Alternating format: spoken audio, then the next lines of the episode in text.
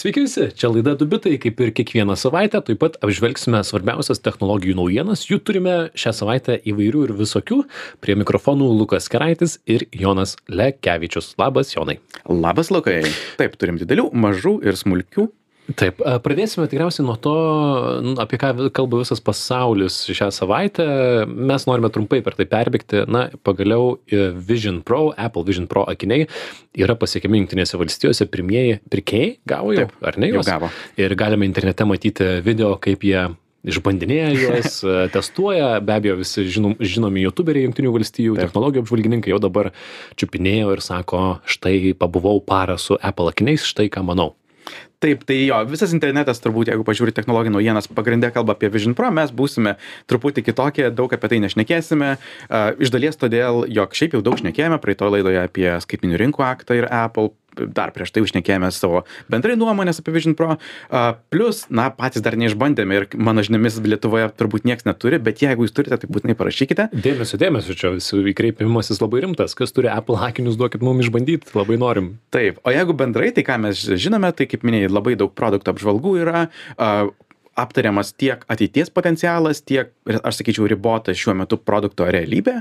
Um, daug bus nuorodų mūsų šaltiniuose. Mano labiausiai patikusios apžvalgos būtų iš Neilai Patel iš The Verge, arba Jono Stern iš Wall Street Journal, arba MKBHD, labai gera apžvalga. Mhm. Galite pasinagrinėti.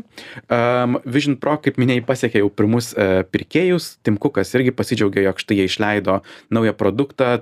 Jo žodžiais tokį patį ypatingą kaip uh, iPhone'as ir jis jaučia, jog tai bus kažkas e, magiško.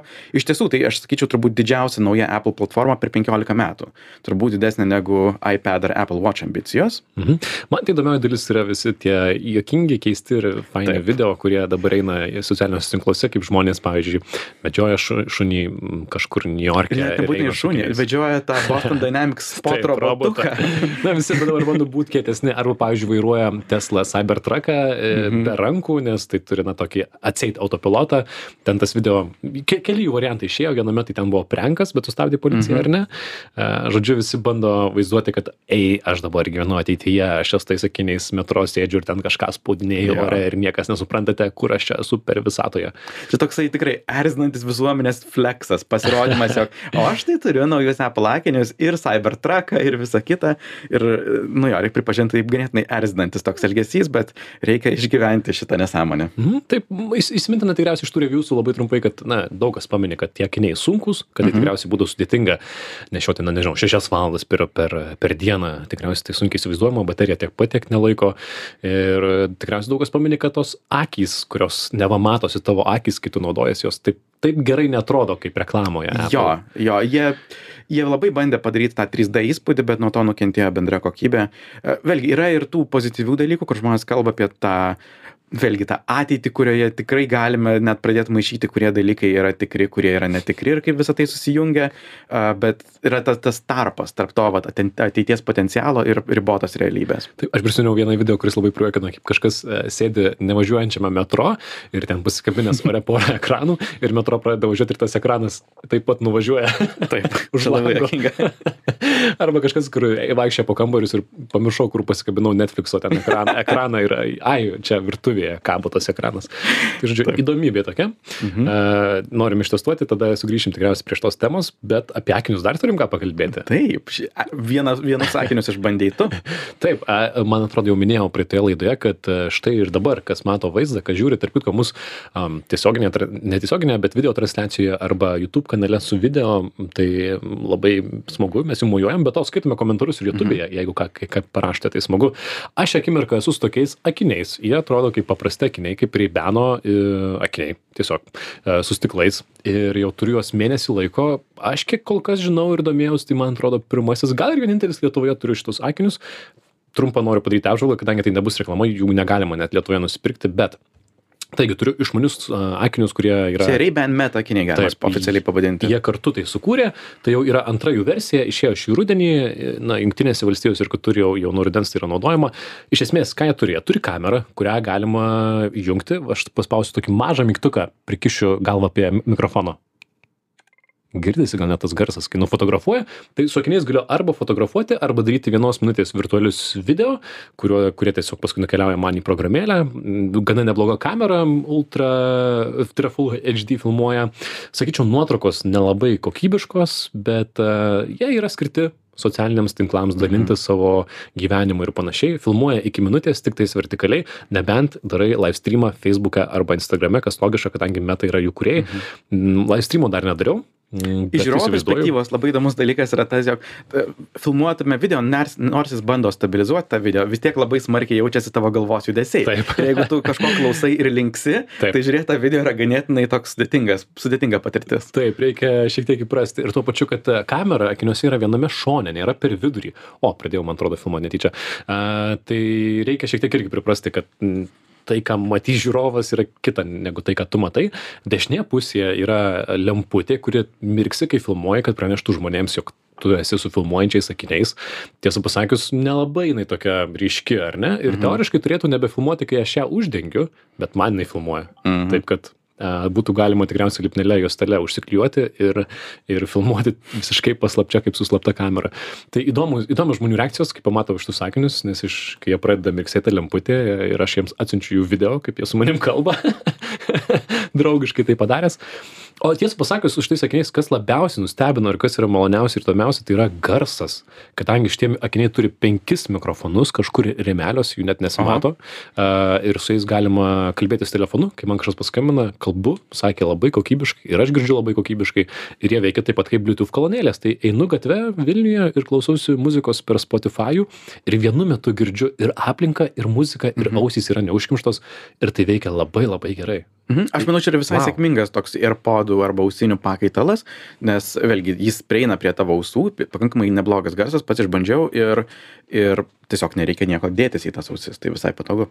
Taip, tai dabar vat, paspaudžiu dar kartelį uh, ant telefono, ant rėmelio akinių, kad filmuočiau. Štai minutę filmuosiu, įkelsiu į grupę technologijų naujienos Facebook'e, bus galima pasižiūrėti. Šiaip akiniai, tarp kitko, jie galėtų būti, jie yra įvairių rėmelių, iš Junktinėse Amerikos valstijose reikia parsisiųsti, galima kitokių spalvų ir panašiai. Pirkau skaidraus stiklo uh, akinius, tik tais jie patamsėja nuo ultravioletinių spindulių laukia ir turi mėlynos šviesos filtrą, tai šiek tiek pateisinau savo pirkimą, nes, na, kad tie akiniai nebūtų kaip kaip žinai, kaip man atrodo, kai prieš dešimt metų buvo tokia mada hipsterių, pirkti akinius su rėmeliais be, be nieko, kur nepadeda Mhm. matyti. Tai va, įdomi, įdomi, įdomus toks ateities paragavimas, šiaip tais yra šiek tiek e, nejauku galvoti, jeigu mes visi su tokiais sakiniais vaikščiotume kaip aš, ar ne, tu Mhm. nežinai, kada tave filmuoja. Taip, funkcionalumas, nejauku. kurio net nepaminėjai ir man jis buvo labiausiai laukiamas, bet e, šiuo metu A, neįmanomas, yra dirbtinis intelektas. Mhm. Nes vėlgi tą pačią kamerą tu gali naudoti, nusiųsti vaizdą meta dirbtiniam intelektui ir paklausti, kas čia yra, kiek čia kalorijų, kaip šitas dalykas veikia, gauti, ir gauti atsakymą balsu iš meta dirbtinio intelekto.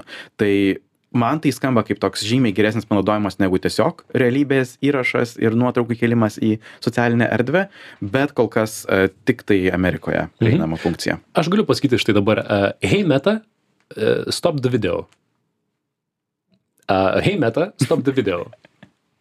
Gal mano akcentas. Hey meta, start the video. Matau, kad neveiks ir aš jau. Start the Start video. the video. Dar prašiau kažkaip vieną sakinį pasakiau. Bet šiaip jisai gali tiek suprasti, kažkodėl man angliškai nepavyko šiandien ištarti. Jisai tiek supranta, kad pradėk video, sustok video, bet jis negali atsakyti į klausimą, ką aš čia matau, Mhm. ką šiaip žada, kad Amerikoje bus galima padaryti. Tai šiaip kainuoja tie akiniai 300 dolerių, e, siūstis reikėjo iš Junktinių valstijų, rėmiau brangesnį modelį, tai gavosi 400, jeigu kam įdomu. Mm, Bet e, įdomus dalykas išbandyti, žaisliukas, nieko rimto. Kadangi filmuoju reportažus, tai žinau, kad panaudosiu, šiaip tai būtų toksai perteklinis pirkinys. Bet įdomu, įdomu, ar ne? A, Žinių radio klausytėm priminsime, kad girdite laidą Dubitai, kalbame apie technologijų naujienas, šitą jau apkalbėjome ir įdomiausia man šios savaitės naujiena yra gana netikėta ir iš gana toli iš Hongkongo noriu Jums papasakoti. Sekmanį laikraštis South China Morning Post paskelbė, kad vienos tartutinės bendrovės Hongkongo biuras prarado 200 milijono Hongkongo dolerių arba daugiau negu 25 milijonus Junktinių valstybių dolerių. Ir įtariama deepfake technologija visame šitame pasukčiavime. Nežinome, apie kokią bendrovę kalbama, tai nėra išduodama, kol vyksta tyrimas, bet kas įvyko honkonge vienas darbuotojas gavo žinutę iš kolegos londone kad reikia pervesti tiek ir tiek pinigų jisai šiek tiek kaip suprantu buvo skeptiškas iš to ką galima paskaityti ir įvyko vaizdo skambutis kuriame viename gale buvo tas darbuotojas kuris netrukus bus apgautas o kitame gale net keli aukštas pareigas užimantys žmonės tarp jų ir vyriausiasis finansininkas tai galima įsivaizduoti zoom skambutį tikriausiai kokie šeši žmonės ar daugiau. Ir rašoma kad pradžioje dar prašė to darbuotojo prisistatyti garsiai o paskui kalbėjo tik jie tad interakcijos daug nebuvo. Tikriausiai kad sukčiams būtų paprasčiau. Ir to skambučio metu tie kolegos vadovai liepė padaryti keliolika pavedimų į kelis bankus ir tai darbuotojas ir padarė. Ir vėliau paaiškėjo kad tai buvo netikras skambutis ten nebuvo tikri žmonės jie buvo sugeneruoti. giluminės klastotės taip. Realiai tikriausiai sukčiai paėmė tų vadovų nuotraukas aš taip įsivaizduočiau ar ne kas dabar įmanoma padaryti. Paimi nuotrauką jo profilio nuotrauką tai zume labai gražiai atrodo nes tas vebkema veb kamera tiktai pečius ir galvą paima ją šiek tiek panimuoji pagal tekstą kad ta burna judėtų aišku dar reikia balso signalų ir tada balsą reikia. Bet kas taip pat jau yra įmanoma paimti minutę to vadovo balso jeigu jisai žinomas žmogus tai tikriausiai įmanoma apmokyt dirbtinį intelektą ir jisai gali kalbėti. Ir tai va pokalbis tas online baigėsi gana staiga vėliau dar apsikeitė keliomis žinutėmis ir tas darbuotojas tuos dvidešim penkis milijonus dolerių ir paskui susigriebė pakalbėjo su kolega kad padarė kažką pra prastai. Ir honkongo policija sako tai yra pirmas toks atvejis kad na būtų skambutis kuriame apgaulė yra netgi keli žmonės nes jau yra buvę atvejų kai skambina na vienas žmogus su juo kalbiesi arba jį matai ir tai yra iš tikrųjų dirbtinio intelekto apgaulė bet kad būtų keli žmonės sugeneruoti. Tiesa mes to nežinome. Teoriškai čia visiškai galėjo būt vienas žmogus nes kaip minėjai jog jeigu nėra nėra didelio šnekėjimo pirmyn atgal tu gali paruošt visą tą įrašą iš anksto būdamas vienas žmogus. Tai taip tai greičiausiai ir padarė. Iš tikrųjų jisai greičiausiai turėjo pasiruošęs visą tą kažkokio ilgio video kurį tiesiog paleido ir ten kalbasi žmonės bet vis tiek tiesiog nepagalvotum kad tai gali tave apgauti. Ateinam į naują amžių kur iš tiesų reikia labai atsargiai žiūrėti visą tą informaciją žinant kiek daug galima susimuliuoti ir turbūt net tose labai abejotinuose scenarijuose kur iškyla šiek tiek klaustukų galbūt net pabandyt paide paidentifikuoti ar tai yra tikrai tikras signalas nežinau pavyzdžiui paprašyt pajudinti galvą į šonus ar pakeist apšvietimą ar kažką tokio. Taip ką honkongo policija rekomendavo žmonėms daryti ir mes kai kalbėjome prieš metus ar pusę metų jonai su tavim kad reikės turėti saugumo žodžius ar ne kad jonai primink kada paskutinį kartą mes buvome į barą išėję ar ne kitaip ne nepervesiu ten to dešimties eurų. Tai be abejo čia tiktai mus mus vėlgi lietuvių kalba apsaugo pas mus tokių apgaulių vis dar nėra bet įdomu kad tai vyksta užsienyje ir internautai juokauja kad dabar kai bosas prašys ką nors padaryti vaizdo skambučio metu galima sakyti negaliu įtariau kad čia ne tu. čia ne tu man atrodo čia apgaulė žinok aš atsijungiu einu pamiegot tai apie tai juokeliai. Su tuo susijusi tokia mini naujienėlė yra jog amerikoje federalinė ryšių komisija iškėlė mintį uždrausti dirbtinio intelekto generuotus balso robo skambučius. Tenai yra labai daug toje šalyje robo skambučių ir praeitas užpraeitą savaitę niu hempšyro valstijoje pasirodė labai daug netikrų džo baideną imituojančių skambučių kurie skatino žmones neiti balsuoti jų ankstyvuose rinkimuose pirminiuose. Ir mano nuomone vėlgi ten amerikoj situacija su visais robo skambučiais bendrai yra labai prasta ir dirbtinis intelektas tikrai nepalengvina šitos situacijos tad galbūt būdas šiek tiek suvaldyti situaciją visai neblogas. Taip, nu, mes turime tokių skambučių, na, kad e, tau paskambina numeris ir jisai kalba, tu jam negali atsakyti, tu gali tiesiog jį išklausyti Lietuvoje, tai esi patyręs. Aš ne, nesu labai Aš irgi ne. Ir gerai. Jo, labai gerai. Nes visai įkyru, dar jeigu pradėtų tie visi dirbtinio intelekto visokie jokingi, man atrodo, ir aš padaryčiau kokį prenką visiems, mm -hmm. praskambinėčiau. Uh, taip, o dar turime naujienų apie dirbtinio intelekto funkcijas. Google Maps pristatė šiokią tokią naujieną, kad bus uh, papildomos funkcijos žemėlapiuose. Taip. Sugrosiu. Muzikėlė. Naujos generatyvinės dirbtinio intelekto funkcijos Google Mapsuose turėtų padėti atrasti naujas vietas, taip sakant, ne vien tik tai maršrutams naudoti tą programėlę.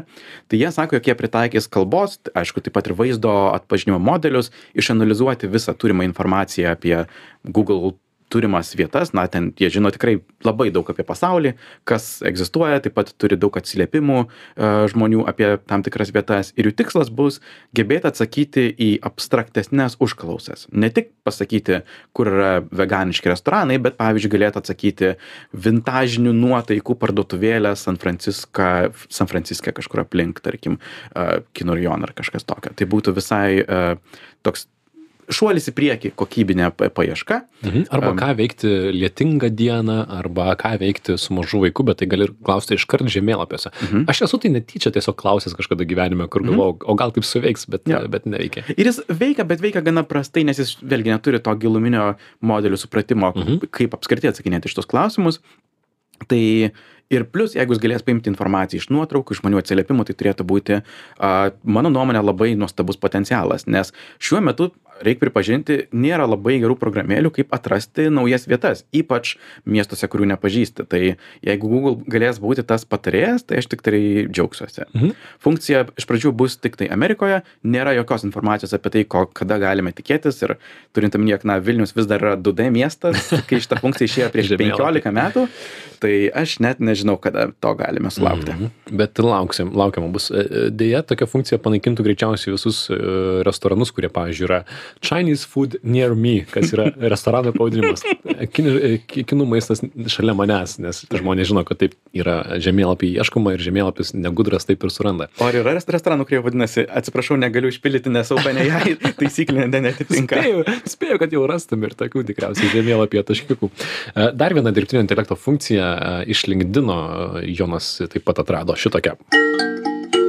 Jie šią savaitę išleido pernai pristatytas, bet taip pat ir papildė naujom papildomom funkcijai- funkcionėlėm, vėlgi dirbtinio intelekto funkcijas, kurios padės darbuotojų ieškantiems tų žmogiškųjų resursų darbuotojams sugeneruo- sugeneruoti personalizuotus laiškus. E, Kai jie kreipiasi į kandidatus ir vėlgi siekia pritraukti kuo daugiau kandidatų savo darbuotojų paieškai, tai atsidarius tą laiško rašymo langą bus galima pasirinkti kuriuos siūlomo darbo aspektus paminėti ir taip pat kuriuos kandidato patirties e, aspektus įtraukti. Pavyzdžiui, jeigu tau įdomu, jog, tarkim, kandidatas yra anksčiau dirbęs kažkokioje įmonėje, pažymė, jog, o, paminėk tą faktą, jog jisai dirbo čia ir todėl jis mums yra labai įdomus. Ir tuomet LinkedInas už tave parašo visą laišką, kur sako, oi, man labai patinka, jog tu dirbai šitoje vietoje, mes kaip tik ieškome tokio darbo, prašom, mes tiesiog atvirom rankom tavęs laukiame.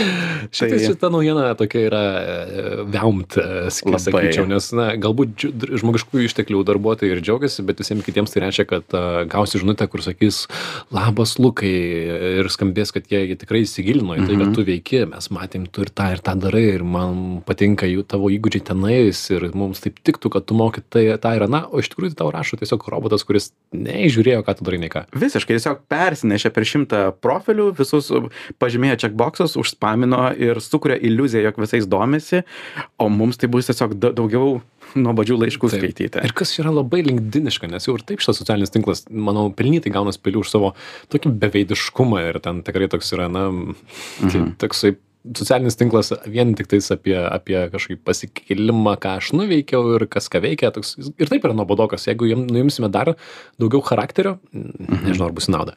Bendrai situacija jau yra prasta ir jų pagrindinis pajamų šaltinis yra tie visi kandidatų paieškos žmonės, tai suprantama, kodėl jie tą daro. Vėlgi nesidžiaugiu tuo ir dar pa pasakyti, kokia situacija yra blogesnė. Kitos funkcijos yra tiesiog visiškai automatizuotas žinučių siuntimas. e, Pavyzdžiui, automatiškai pasveikinti žmonės su jų darbo jubiliejumi, kaip būdų automatiškai palaikyti šiltą santykį su būsimais kandidatais. Tai vėlgi, gyvename simuliuotoje realybėje. Taip, tikrai, lygtis kažkam patiktų tie nenuoširdus sveikinimai. Na, žodžiu, E, dar turime vieną nemažą naujieną, bet pamėginsim ją stulpinti. Tai kodiniai žodžiai yra Markas Zuckerbergas, Meta, Facebookas. Apie šitą temą nemažai sukosi dalykų praeitą savaitę. Buvo tokia antraštė netgi, ka- kad Zuckerbergui bloga diena Vašingtoną, bet gera, bet gera Valstrytė. Ir apie ką mes kalbame, tai Junktinėse valstijose senate vyko, teismo komitete vyko posėdis, kuriame buvo apkalbėti vaikų saugumo sprendimai socialinėje žiniasklaidoje. Ir kaip mėgsta senatoriai, jie pasikvietė kelis technologijų kompanijų vadovus. Buvo X, tai yra Twitterio generalinė direktorė, TikToko vadovas, Snapchato vadovas, Discordo vadovas ir taip pat Markas Zuckerbergas Meta vadovas, jam tikriausiai daugiausiai dėmesio ir buvo skirta. Um, kokie highlightai šiaip tie visi senato išklausymai yra tokie šiek tiek memeable Mhm. e, daly- įvykiai kai visi žiūri na kas kokią antį pasakys kas kokią nesąmonę Visi ieško momentų, kur Visi ieško gali kažką momentų, taip. pagauti ir tam tikrai ištraukti kažkokį komentarą. taip tai senatoriai šį kartą buvo gana gana griežti ir gana tiesmuki su savo klausimais kadangi buvo kalbėta apie vaikus tai žinoma jie jie taip pat irgi prieš rinkimus nori tam tikrų taškų susirinkti bet ir kritikos turėjo taip pat k na konkrečios pavyzdžiui zakerbergo vienas senatorius paklausė ar šis nenorėtų atsiprašyti į posėdį atvykusių šeimų kurių vaikai žalojosi arba nusižudė dėl priežasčių susijusių su feisbuku arba instagramu a tai zakerbergui teko atsistoti atsiprašyti už tai mm, sakė dedame visas pastangas be abejo be abejo. Bet a, senatoriams užkliuvo dokumentai kuriuose mm, yra yra rašoma kad markas zakerbergas yra atsisakęs padidinti moderatorių skaičių savo socialiniame tinkle tinkle nors jie meta paskelbė naujieną kad paaugliai nuo šiol galės gauti žinutes tik nuo tų suaugusiųjų kuriuos seka arba turi drauguose. Čia gal verta paminėti kad yra visas spektras e, auditorijos kurie buvo šitame klausyme tai yra tėvai kurie iš esmės tiesiog jaudinasi kad na pavyzdžiui socialiniuose tinkluose vaikams nesaugu kad vyksta patyčios bet tuo pačiu yra gerokai rimtesnė tema tai yra seks vaikų seksualinis vaikų išnaudojimas. Ir jungtinėse valstijose tai yra tikrai didelė didelė problema su tuo susijusios institucijos per dieną gauna š šimtą tūkstantį pranešimų apie tai. Ir na visi senatoriai sako kad ei jūs technologijų gigantai darote per mažai tikriausiai tedas kruzas turėjo visai gerą gerą argumentą. Jisai parodė tokią skaidrę kur kažkas feisbuke ieškojo informacijos e, kažkokios ir jam buvo išmesta lentelė. Rezultatuose gali būti vaikų seksualinio išnaudojimo vaizdų. Ir vienas iš pasirinkimų buvo gauti pagalbą. Kas iš esmės galima suprasti feisbuką jisai nori perspėti kad ei mes nesam tobuli net tų vaizdų gali būti ar ne? Bet tai na buvo pristatyta tarsi tarsi feisbukas sakytų "Mm, mes tokius vaizdus praleidžiam jeigu nori tai tęsk ir galbūt rasi Jo, e, te, čia yra labai labai sudėtingų tų niuansų, nes vėlgi žmonės, kurie nori apeiti ir nori e, prieiti prie to turinio, jie, jie žino tam tikrus kanalus, vėlgi, kaip galima tam tikros informacijos ieškoti ir aš apie tuos keywordus, taip sakant, nešnekėsiu, kuriais, kuriais kampais jie eina, bet manau yra visai svarbu, jog Facebookas deda tą pastangą pagauti juos tuose momentuose, įsiterpti į jų Mhm. paiešką ir pasakyti, nelabai gerai, ką, ko tu čia ieškai, a, geriau eik, kur, kur yra resursų ir pagalbos tau. taip bet bendras naratyvas yra kad ar technologijų gigantai ir ypatingai feisbukas instagramas daro pakankamai apsaugant vaikus. Ten buvo nemažai ir na žmonių palaikančių kelis įstatymus kurie bando na kurie dabar skinasi labai lėtai kelią jungtinėse valstijose kurie galbūt įpareigotų socialinius tinklus būti atsakingiems už tą turinį susijusį su su vaikų su vaikais. Nes šiaip socialiniai tinklai jungtinėse valstijose nėra atsakingi už savo turinį bet šituo atveju norima padaryti išlygą. Bet tai tiesiog tai buvo išklausymas ir tiesą pasakius niekas nepriimta joks naujas įstatymas nebuvo priimtas tai buvo tiesiog toksai na pakalbėjimo šita tema. Am po ko meta beje pranešė kad ruošia naują standartą kaip e, žymės e, dirbtinio intelekto sugeneruotą turinį mm, savo feisbuke ir tikėtina ir instagrame.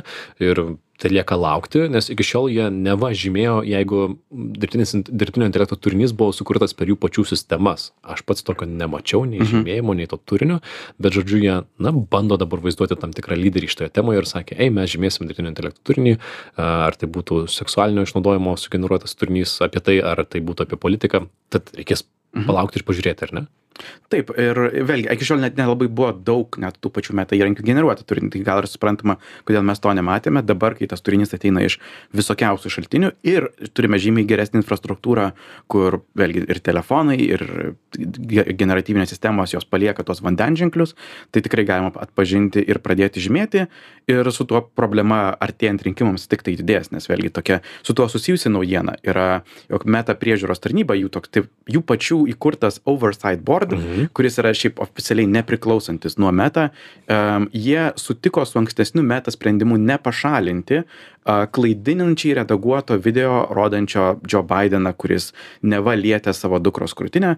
Uh, ten buvo tiesiog toks montažas, bet tam nebuvo panaudotas dirbtinis intelektas ir todėl meta nepašalino to video. Na ir tas oversight board turėjo sutikti nes pagal esamas meta taisykles tai yra leistina. Tačiau vėlgi buvo paskatinimas metai pakeisti tas taisykles e, ir galvoti ne tik apie metodus kuriais buvo sukurta medžiaga bet taip pat ir apie siekiamą tikslą. Jog pavyzdžiui na tai kas jog nebuvo naudotas dirbtinis intelektas akivaizdu jog buvo siekta pakeisti rinkėjų elgseną. Mhm. Man atrodo, visos istorijos moralas yra toks, kad Facebookas švenčia 20-ąjį gimtadienį, su gimtadieniu Facebook'e, jis atsirado prieš 20 metų ir vis dar mes ieškome būdų jame operuoti, vis dar mm. yra kalamas dėl taisyklių, kas galima, kas negalima, kas leidžiama, kas neleidžiama. Ir tą antraštę užbaigti, kad, na, Vašingtone Zuckerbergas buvo grilina, grilinamas, bet valstrytė sekėsi, kadangi Meta parodė gerus finansinius rezultatus ir pirmą kartą per savo gyvavimo istoriją išmokėjo dividendus ir akcijos pakilo į viršų. Wow. Taip, kad tai, ką kalba žmonės, jeigu ant tavęs bamba senatas ir eiliniai piliečiai, nebūtinai reiškia, kad tau finansiškai blogai sekasi. Taip. Čia ir sustosim, laida Dubitai baigėsi, žinių radijos svetainėje, Spotify'e ir kitur mūsų tinklalaidžių programėlės, kitose tinklalaidžių programėlėse yra visi įrašai. Čia buvo Lukas Kraitis ir Jonas Lekevičius. Sakome iki kitos savaitės. Iki. Iki.